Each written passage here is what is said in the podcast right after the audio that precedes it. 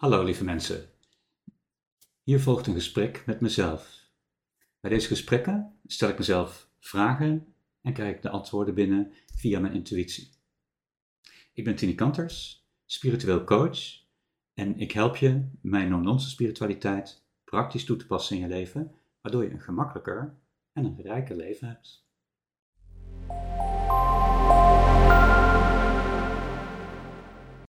Wat zijn wat we noemen entiteiten? En kunnen de entiteiten je energie opeten of juist uh, misschien energie geven of helpen?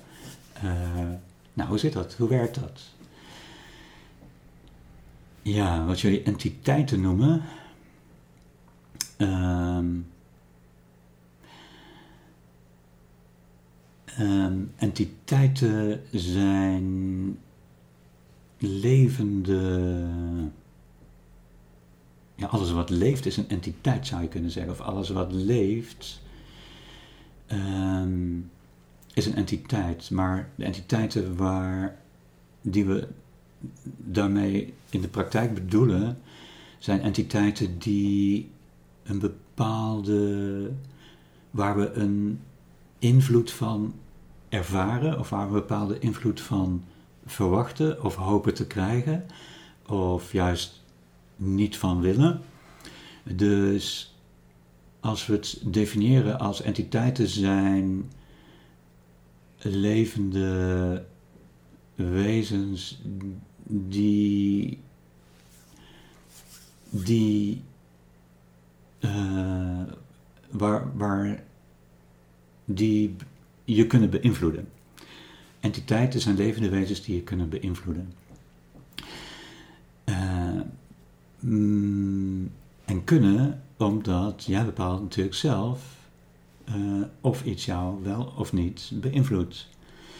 Als je, even heel zwart-wit gezegd, als je jezelf als een slachtoffer ziet, dan zou je kunnen zeggen, ja, dingen beïnvloeden mij. Maar dat is jouw energie die je hebt als slachtoffer, als slachtoffer, stel je open voor dingen buiten jou en heb je de perceptie dat dingen van buiten jou, van buiten op jou afkomen en dat je daar eigenlijk niet zoveel aan kan doen.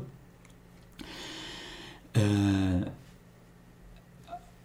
aan de andere kant, als je, je kunt je ook opstellen als een creator. Uh, en jij bepaalt hoe jouw leven eruit ziet. En als jij bepaalt hoe jouw leven eruit ziet, dan bepaal jij of er wel of niet iets jou uh, kan beïnvloeden. In zekere mate natuurlijk, hè? want uh, als er een aardbeving komt, dan worden heel veel mensen beïnvloed, bij wijze van spreken. Hè? Dus um, we hebben het hier over wat we als mens Ehm, kunnen beïnvloeden. Dus entiteiten, uh, mensen hebben soms het idee dat ze worden lastiggevallen door entiteiten of dat ze door ehm, een, een, negatieve uh, energie zitten door entiteiten. En dat kan natuurlijk, maar entiteiten, jij bepaalt je eigen leven. Dus als entiteiten die kunnen alleen maar op jou afkomen als je ze aantrekt. Dus als je in een negatieve uh, gedachte zit, kun je negatieve dingen aantrekken. Dus ook negatieve entiteiten. En als je dan ook nog in een slachtofferrol zit, waarvan je denkt van ja, maar ik kan er niks aan doen en ze beïnvloeden mij, dan beïnvloeden ze jou dus. Uh, maar goed, als je diezelfde uh, negatieve gedachten zou hebben en dezelfde negatieve entiteiten aantrekt en de mindset hebt dat je een creator bent en zelf je leven bepaalt en dat ze jou niet mogen beïnvloeden, dan kunnen ze jou niet beïnvloeden. Um, hetzelfde geldt natuurlijk voor uh, positieve entiteiten. Um, uh, heel veel mensen hebben de wens dat ze beïnvloed worden door positieve entiteiten. Uh, mensen doen, hebben engelenkaartjes of dat soort dingen. Of um, steken kaarsjes op om te hopen dat er een bepaalde energie hun ergens mee gaat helpen.